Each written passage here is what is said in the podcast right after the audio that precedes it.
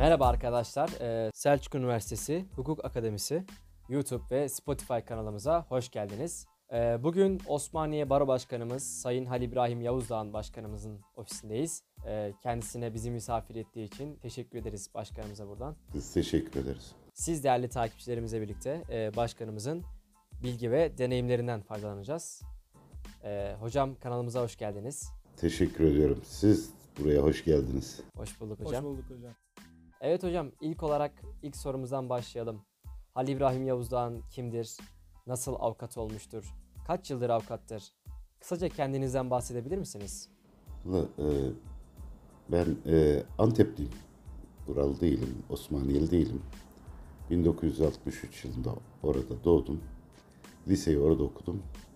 Sonra e, üniversite sınavında bizde bilinçli bir tercih yoktu. Rastgele bir tercih yaparak ilk ilahiyat okudum. Ankara Üniversitesi İlahiyat Fakültesi 80-85 yıllar arasında onu okudum. Sonra e, öğretmen olarak Osmaniye'de göreve başladıktan sonra sınava girdim. Tekrar Ankara Üniversitesi Hukuk Fakültesini okudum. 87-91 arasında. Sonra askerlik görevi falan 94'te avukatlığa başladım. O günden beri avukatlık, öğretmenlik birlikteydi. Şimdi sadece avukatlıkla yetiniyoruz. Baro başkanlığı sıfatı gelip geçicidir. Asıl olan avukatlık, hukukçuluk. Kendimi bu kadar e, söz edebilirim. Evet teşekkür ederiz hocam. İkinci sorumuz e, meslek hayatınızda karşılaştığınız en ilginç olay. Bu da mı başımıza gelecekti dediğiniz olay var mı? Ya, e, insanın bulunduğu yerde tabii e, birçok ilginç olay yani 27 yıl içinde günde her gün 5 tane ilginç olayla karşılaşıyorsun. Bunlar içinden tabii sizi etkileyen olaylar oluyor. Bir tane çok iyi tanıdığım ve kişiliğine, kimliğine inandığım bir arkadaşım bana geldi dedi ki bana iftira atılıyor dedi. Nasıl bir iftira dedim. Yani evim var, arabam var. Eşim ve kızım bu arabayı evimi elimden almak için bana iftira atıyor. Kızım işte bir çocuk doğurdu. Gayrimeşru. Bunun benden olduğunu iddia ediyor dedi. Önce başkalarını iddia ediyor falan. Ben de adamı uzun süredir tanıyorum. Yani kafasını kaldırıp birisine arsızca baktığını dahi görmedim. İnandık kendisine. Avukatlığını yapmaya başladık. Tutuklandı. Sonra bebek kayıptı, bebek bulundu. DNA testi yapıldı. Çocuğun kendisinden olduğunu, öz kızından çocuğunun kendisinden olduğu sabitlendi. Öyle olunca ben e, yani hani herkesin savunulmaya hakkı vardır ama bunu da yapamam dedim yani e, savunma hakkının kutsallığını da bir kenara iterek avukatlığından çekildim. İlginç tarafı şu, o şikayetçi olan ana kız bir ay kadar sonra geldiler, babamızı kurtar ona avukatlık yap diye. O bebek kendinden olan yani gayrimeşru belki tecavüz sonucu, ensest ilişki sonucu babasından çocuk doğuran kız ve adamın eşi bana gelerek adamın avukatlığını yapıp onu az cezayla kurtarmam için bana geldiler. Bu unutamadığım ilginç olayların tabii ki kabul etmedim yani. İlgilenmedim. Çok ilginç gerçekten. Evet başkanım, üçüncü sorumuza geçelim. Avukatların alması gereken danışmanlık ücreti hakkında ne düşünüyorsunuz? İstenildiği zaman karşı taraftan nasıl tepkiler geliyor? Ya şöyle hani bakkala gidiyorsunuz bir paket sigara alıyorsunuz parasını veriyorsunuz. Somut olarak bir şey alıyor vatandaş. Bunun parasını vermesi gerektiğini biliyor. Ama avukata geldiği zaman geliyor, danışıyor. Siz onun avucuna somut bir şey koyamıyorsunuz. Sadece başına gelebilecekleri anlatıyorsunuz. Ve biz avukatlar da maalesef dost sohbetlerinde, yolda, yolakta, ayakta, dura, dolmuş durağında, her yerde danışmanlık hizmeti verdiğimiz için bunun sıradan ve ucuz olduğunu, bir sürü emek ve çaba sonucunda oradan süzülmüş bir bilgi birikimi olduğunu insanlar kabullenmediği için bir de insanlarımızda şu var, yani bilhassa avukatlık büroları için bu büronun en önemli müşterisi benim. En önemli iş benim işim. Ama bu büronun giderlerini de başkaları karşılasın. Yani herkes işini bedava yaptırmak ister. Böyle danışma ücreti e, ilkeli bir şekilde başlarsanız e, alırsınız ama insanlar bunun e, olmaması gerektiği konusunda e, fikir içindeler. Zaman zaman çatışmalar yaşanıyor. E, terk edip gidenler de oluyor. Bir diğer sorumuz, sizce Türk hukuk sisteminin en büyük sıkıntıları nelerdir? Ee, imkanınız olsa hukuk sisteminde neyi değiştirmek istersiniz? Valla e, bizdeki en önemli sıkıntı iyi yetişmiş avukat, iyi yetişmiş hakim, savcı. Burada hakimlik, savcılık mesleğine kabul edilirken, avukatlık mesleğine kabul edilirken bir elemeden geçmiyoruz.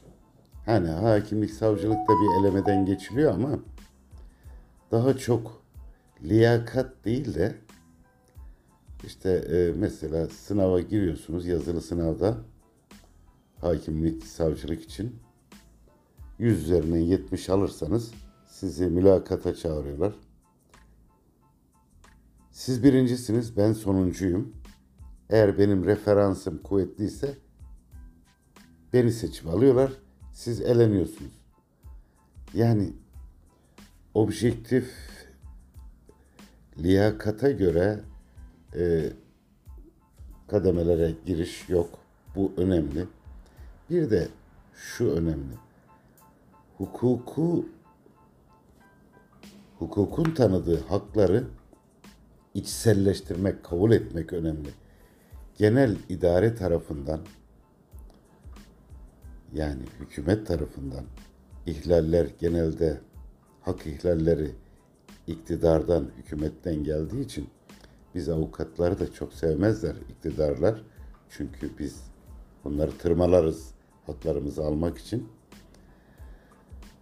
Ee, onların da hukuku içselleştirmesi lazım. Eğer bu içselleştirme olmadığı sürece her zaman yasaların arkasına dolanmak, kanunu dolanmak mümkün. Bu liyakat sistemi de zaten yok. Bu sıkıntı bir de sayısal çokluğumuz, enflasyonumuz var. Avukat enflasyonu, hukukçu enflasyonu. Bu kadar çok hukuk fakültesi ihtiyacımız olmadığı gibi çok olay e, fakülte açmak için de eğitim kalitesinde e, belirgin bir düşüş var. E, bunları söyleyebilirim ama yani binlerce değiştirilmesi gereken şey var. Yani yıllardır sürekli yargı reformu strateji belgeleri açıklanıyor. Her açıklanışta 300 konuyla ilişkin değişiklik öneriliyor. E gene düzelmedi, gene düzelmedi. Yargımız en önemli sorunlardan biri de şu. Hani yargı üzerinden genel idare, yürütme elini çekmeli. Tam bağımsız olmalı. Yargı bağımsızlığını temin etmeliyiz. Bu bu çok önemli. Bunu yaparken de işte idarenin e, yargının elemanlarını seçerken idarenin etkisi şu anda çok yüksek. Bunun kaldırılması, bir çözüm bulunması lazım. Bu bulunmadığı sürece biz sorunları tartışmaya devam ederiz. En önemlisi de geç işliyor adalet. Geç işlediği için bir vatandaş diğerinden tokat yiyor. Bu tokatın acısı geçmeden tokat atanın bir cezayı alması gerekir ki herkes ihkak hak yani kendi adaletini kendi temine yönelmesin. Çok geç işlediği için adam e, sana tokadı atıyor. Ondan sonra serbest kalıyor. Serbest kalınca bunu gören ben diyorum ki ha tokat atan serbest kalıyor. O zaman ben de atabilirim. Sonradan ceza alıyor o adam ama ama ben onu görmediğim için genel olarak toplum bunu görmediği için şey yapıyor. e, Yasal e, mahkemeler, yasa, yargı etkisiz. Yapanın yaptığı yanına kar kalıyor. Kanaati oluştuğu için e, arkasından kaos oluşuyor. Yani trafikte bir kaza oluyor. İlk yapılan şey nasıl uzlaşırım değil. Eline sopa yalan aşağı iniyor. Yani kavgaya iniyor. Bu e, toplum olarak eğer biz yasa bizi orada hemen sorunumuzu çözdüğünü bilseydik o olay olmazdı. Bunun gibi bir sürü şey söyleyebiliriz. Evet başkanım. Başkanım diğer sorumuza geçelim. Hukukta bir ilke vardır. Savunmak kutsaldır ve herkesin savunulmaya hakkı vardır. Peki haksız tarafı nasıl savunacağız? Bir avukat vicdan muhasebesini böyle durumlarda nasıl yapmalı? Şimdi öncelikle şunu söyleyelim. Avukat davanın tarafı değildir. Yani bir karı koca boşanıyorsa o boşanmanın sebebi avukat değildir. Birisinin evine hacize gidiliyorsa, borçlanmışsa o borçlanan da avukat değildir. Birisi e, cinayetten müebbete mahkum olmuşsa cinayet işleyen de avukat değildir. Avukat sadece tarafları temsil eder. Şimdi savunma kutsaldır. Elbette kutsaldır. Siz en toplumun kabul etmediği toplum vicdanındaki en kötü suçu işlediniz. Ve bunun cezası bellidir. Diyelim ki 20 yıl hapistir. Benim avukat olarak ödevim şu. Sizin hak ettiğinizden daha fazla bir cezaya çarptırılmamanız. Savunma, herkesin savunmaya hakkı vardır da kim? Kastımız bu. Veya haksızsınız bir hukuk davasında haksızlığınızın bir ölçütü var. Daha yüzde seksen haksızsınızdır. Yüzde doksan haksızsınızdır. Siz yüzde yüz haksız çıkmamanızı temin etmem gerekiyor. Ama siyahı beyaz göstermek gibi bir işlevin içinde hukukçu olmaz. Olamaz. Yani avukatlarla ilgili olumsuz düşünceler vardır. Ben 94 yılından beri avukatlık yapıyorum. Beraberinde din dersi öğretmenliği de yaptım. Yalanın haram olduğunu öğrencilerime anlattım. Avukatlık yaparken de istenirse bu meslek önce iki yıl kadar hakimlik sınavında sırf ilahiyatçı olduğum için bana soru sorulmadan Türkiye beşincisi olmama rağmen elendim. Soru sorulmadı mülakatta. Yazılı sınavı Türkiye beşincisi olarak geçtim, elendim. Sebebi daha önce ilahiyat okumuş olmamdı. Ee, bir kadrolaşma konusu gündemdeydi. Soru sorulmadan elendim. Avukatlığı da toplumdaki kanaat gibi yalancılıkla özdeşleştirdiğim için avukat dediğim zaman aklıma gelen şey şuydu. ilkesiz, omurgasız, kişiliksiz, para için yüzüne tükürseniz yağmur yağıyor sanılan tarzda bir insan tipi kafamda oluşmuştu. Seyrettiğim filmler, toplumdan edindiğim algı buydu. Onun için avukatlığı yapmadım. 2-3 yıl sonra avukatlığa bir arkadaşım sen bunu yapamazsın, yapamayacağım diye yapmıyorsun deyince gaza geldim, başladım. Ve avukatlığı 25-26 senedir yapıyorum. Yalan söylemeden de bu iş yapılabilir. Avukatlık cidden kutsal bir meslektir. İnsanların hakları vardır ama yıldızlar kadar uzaktır. Görüyordur, alamıyordur. Siz avukat olarak onu oradan alır, o kişine teslim edersiniz o hakkı. Ve size insanlar yargılama esnasında görevinizi yaparken avukat olarak bazen mallarını, bazen canlarını, özgürlüklerini, özel aile sırlarını, paralarını emanet ederler. Emanet peygamberin sıfatlarından biridir. Biz avukatlık güven mesleğidir ve bu e, avukatlık hakkıyla yapıldığı zaman evliyalık gibi bir şeydir. E,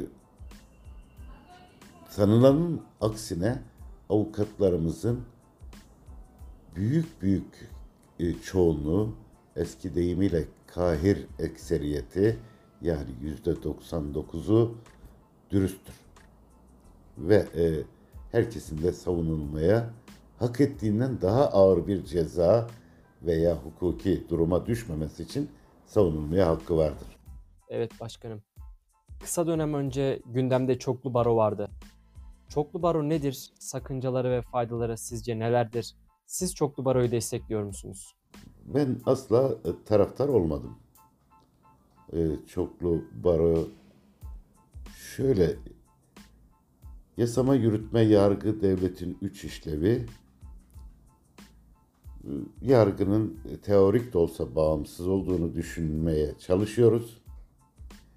Yargının içinde de iddia, yani, e, savunma ve karar var. Karar hakimlerden, iddia savcılardan, savunma avukatlardan oluşuyor. Barolarda avukatların örgütlü çatı örgütü. Şimdi kamu gücüyle desteklenen iddia, savcılık, kamu gücüyle desteklenen yargı. Bunlar e, zaten yasama, yürütme, e, yargı ve yargının içinde iddia, savunma, karar içinde zaten bunlar bizden önde başlıyorlar. Kamu gücünü kullanıyorlar. Polise emir veriyorlar. E, siz savunma olarak daha zayıf durumdasınız. Yani silahların eşitliği diye bir şey olması gerekirken bütün evrensel ilkelerde silahların eşitliği olması gerekirken biz kenardayız. En zayıf grubuz. Kamu gücü açısından. Ama özgürlükler açısından fikrimizi özgürce seslendirebilme açısından kimsenin kölesi, kimseyi kendimize efendi tutmadığımız için de en özgür grubuz. Ve özgür olmak bizim karakterimiz, avukatlığın karakteri. Kimseye yani bizim görev yaparken şunu söyleyeyim. Vekillerimiz, bizi iş veren kişiler bizim patronumuz değil. Hakim, savcı da amirimiz değil. Biz özgürüz. Ama zayıfız kamu gücü açısından. Bunu bir arada olarak örgütlü bir güç olarak barolar, barolar olarak örgütlü bir güçle onlara karşısında direnebiliyoruz. Ama bir de bunu ufacık ufacık parçalara bölersen o örgütlü güç zaten zayıf olan savunma daha da zayıflayacaktır. bence bu açıdan sakıncalı olduğunu düşündüğüm için e, baro başkanı sıfatıyla buna karşı çıktım. Demokratik eylemlerle de karşı olduğumuzu gerek basın açıklamaları, oturma eylemleri, yürüyüşle e, demokratik eylemlerle karşı olduğumuzu da bildirdik ama buna rağmen bu yasa çıktı. Ama avukatlar dediğim gibi özgür ruh var içinde.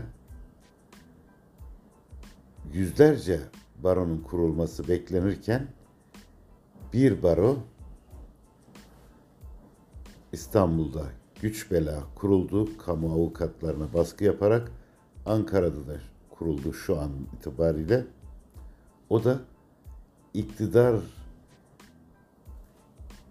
gücünü kullanarak bilhassa kamu avukatlarını e, bu e, baroya kaydını sağlayarak güç bela iki baro kuruldu.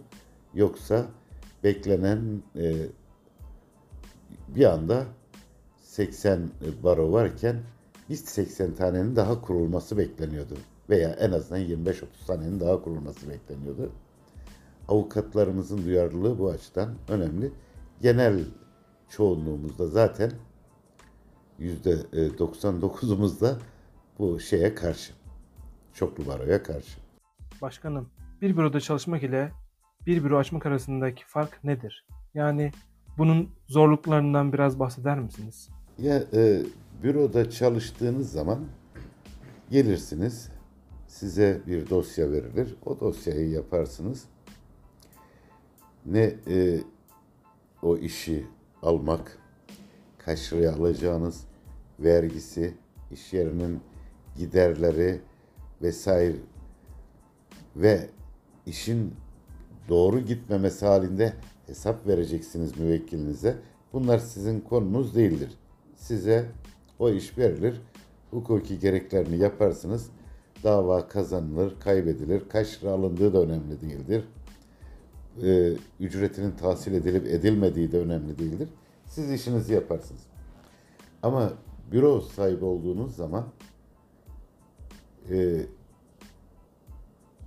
büronuzun kira gideri, kapıcı gideri, temizliği, sekreteri, vergisi, elektriği, doğalgazı, o işi nasıl aldığınız, onun vergisi, işverene ya da müvekkilinize e, alırken işte hukuki durumunu izah etmişsinizdir.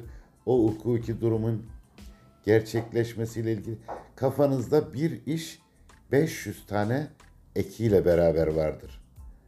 Bu açıdan büro e, işletmek daha güçtür ama esas avukatlık da odur yani bir borçlar hukukundaki istisna akdi gibi eser sözleşmesi gibi siz eserin sonucunu garanti etmiyorsunuz ama bir eser yapmaya yani bir sonuç oluşturmayla ilgili bir vaat içindesiniz. Yani sonuç akdin kurulması için veya sonuçlanması için önemli değildir ama bir işi yapmayı taahhüt ediyorsunuz. Başlangıçta görüşürken de diyorsunuz ki işte ceza dosyası ise bundan beraat edersiniz. 3 yıl alırsınız, 5 yıl alırsınız. Boşanma davası ise davayı kaybedersiniz veya tapu iptali ise iptal edilir, edilmez, davanız reddedilir, kabul edilir. Şu kadar sürer. Bütün bunları çizdiğiniz senaryoyu sizden sonuç olarak beklerler. Ama çalışansanız bunların hiçbiri yoktur. Ama 100 yılda çalışsanız çalışansınız. E, meslekteki ilerlemeniz e, iş sahibi gibi olmaz. Yani bir e, büro sahibi gibi olmaz. 10 yıl çalışırsınız. Aslında oluşturduğunuz birikim bir yıllıktır. Bir yıl kendi başınıza çalışırsınız. Daha fazla birikime sahip olabilirsiniz. Çünkü her işi kendiniz yapacaksınız. Son sorumuz olarak hukuk fakültesi öğrencilerine ve genç meslektaşlarımıza tavsiyelerde bulunabilir misiniz? Önerileriniz nelerdir? Şimdi tabii ki e, 25-26 yıldan sonra avukatlardan tuzu kurular var. Biz de tuzu kurular içindeyiz. Yani belli bir müşteri potansiyelimiz var. Meslekte çırpına çırpına bir noktaya da gelmişizdir. Ee, ekonomik olarak da rahat bir pozisyondayız. Genç meslektaşlara tavsiyeler. Şimdi yüzlerce hukuk fakültesi var. Benim girdiğim zaman üç tane hukuk fakültesi vardı. Ee, çok sayısal çokluk aramızda rekabeti getirdi. Hem de e, acımasız bir rekabet. Pasta aynı e, bizim sayısal çokluğumuzu çoğalmamız kadar büyümedi. Pasta yüzde on büyüdü, biz yüzde yüz arttık. Dolayısıyla paylaşım e, da bir zorluk içinde gireceğiz. Buradan sıyrılabilmek, başarılı olabilmek için ise tavsiyem şudur. Uzmanlaşacaksınız. Miras biliyorsan miras bileceksin. İdare biliyorsan idare bileceksin. Ya diğerlerini de hafif bileceksin ama bir konuda çok iyi olacaksın. O zaman bu sayısal çokluk sizi etkilemeyecektir. Diyecekler ki işte X avukat idare hukukunda iyi. Yani e, bir konuda yüksek lisans olabilir, kendinizi yetiştirmek olabilir. Mesela ben kendi Osmaniye Barosu olarak ve kendim iç gözlemimi söyleyeyim. Biz eski avukatlar her şeyi biliriz ama hiçbir şey tam bilmeyiz. Ee, bu dönem geçti artık. Bir sürü hukuk dalı çıktı. Ve inceden inceye bilmek gerekiyor. İnceden inceye iyi bilenler hızla sıyrılıp aramızdan öne doğru gidiyorlar. Genç meslektaşlara tavsiyem e, sayısal çokluğu egale etmek için bir dalda uzmanlaşmaktır. En önemli tavsiyem de avukat olduğunuz zaman ak diyorsanız aktır bir şey, kara diyorsanız karadır. Dürüst ve doğru kalacaksınız. İlkel olacaksınız. Bir duruşunuz olacak. Asla menfaatler için eğilip bükülmeyeceğiz ve e, yılmayacağız. Biz avukatların cübbe giyeriz ve önünde düğme yoktur.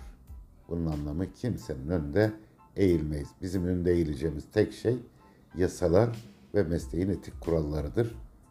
Onun dışında e, biz bizi sevmezler. Niye? Çünkü ihlalleri yapanlar e, karşısında avukatı bulacaktır, hukuku bulacaktır. Biz yılmadan tırmalayarak, onların canını acıtarak hakları alıp hak sahiplerine teslim edeceğiz. Söyleyeceklerim bu kadar. Başkanım değerli vaktinizi bizlere ayırdığınız için ve kıymetli bilgilerinizi paylaştığınız için şahsım ve topluluğum adına teşekkür ediyorum. Ben teşekkür ederim ee, genç meslektaşlarımıza. Başarılar diliyorum. Ben Muhammed İkbal Akan. Ben Batur Alp Güner.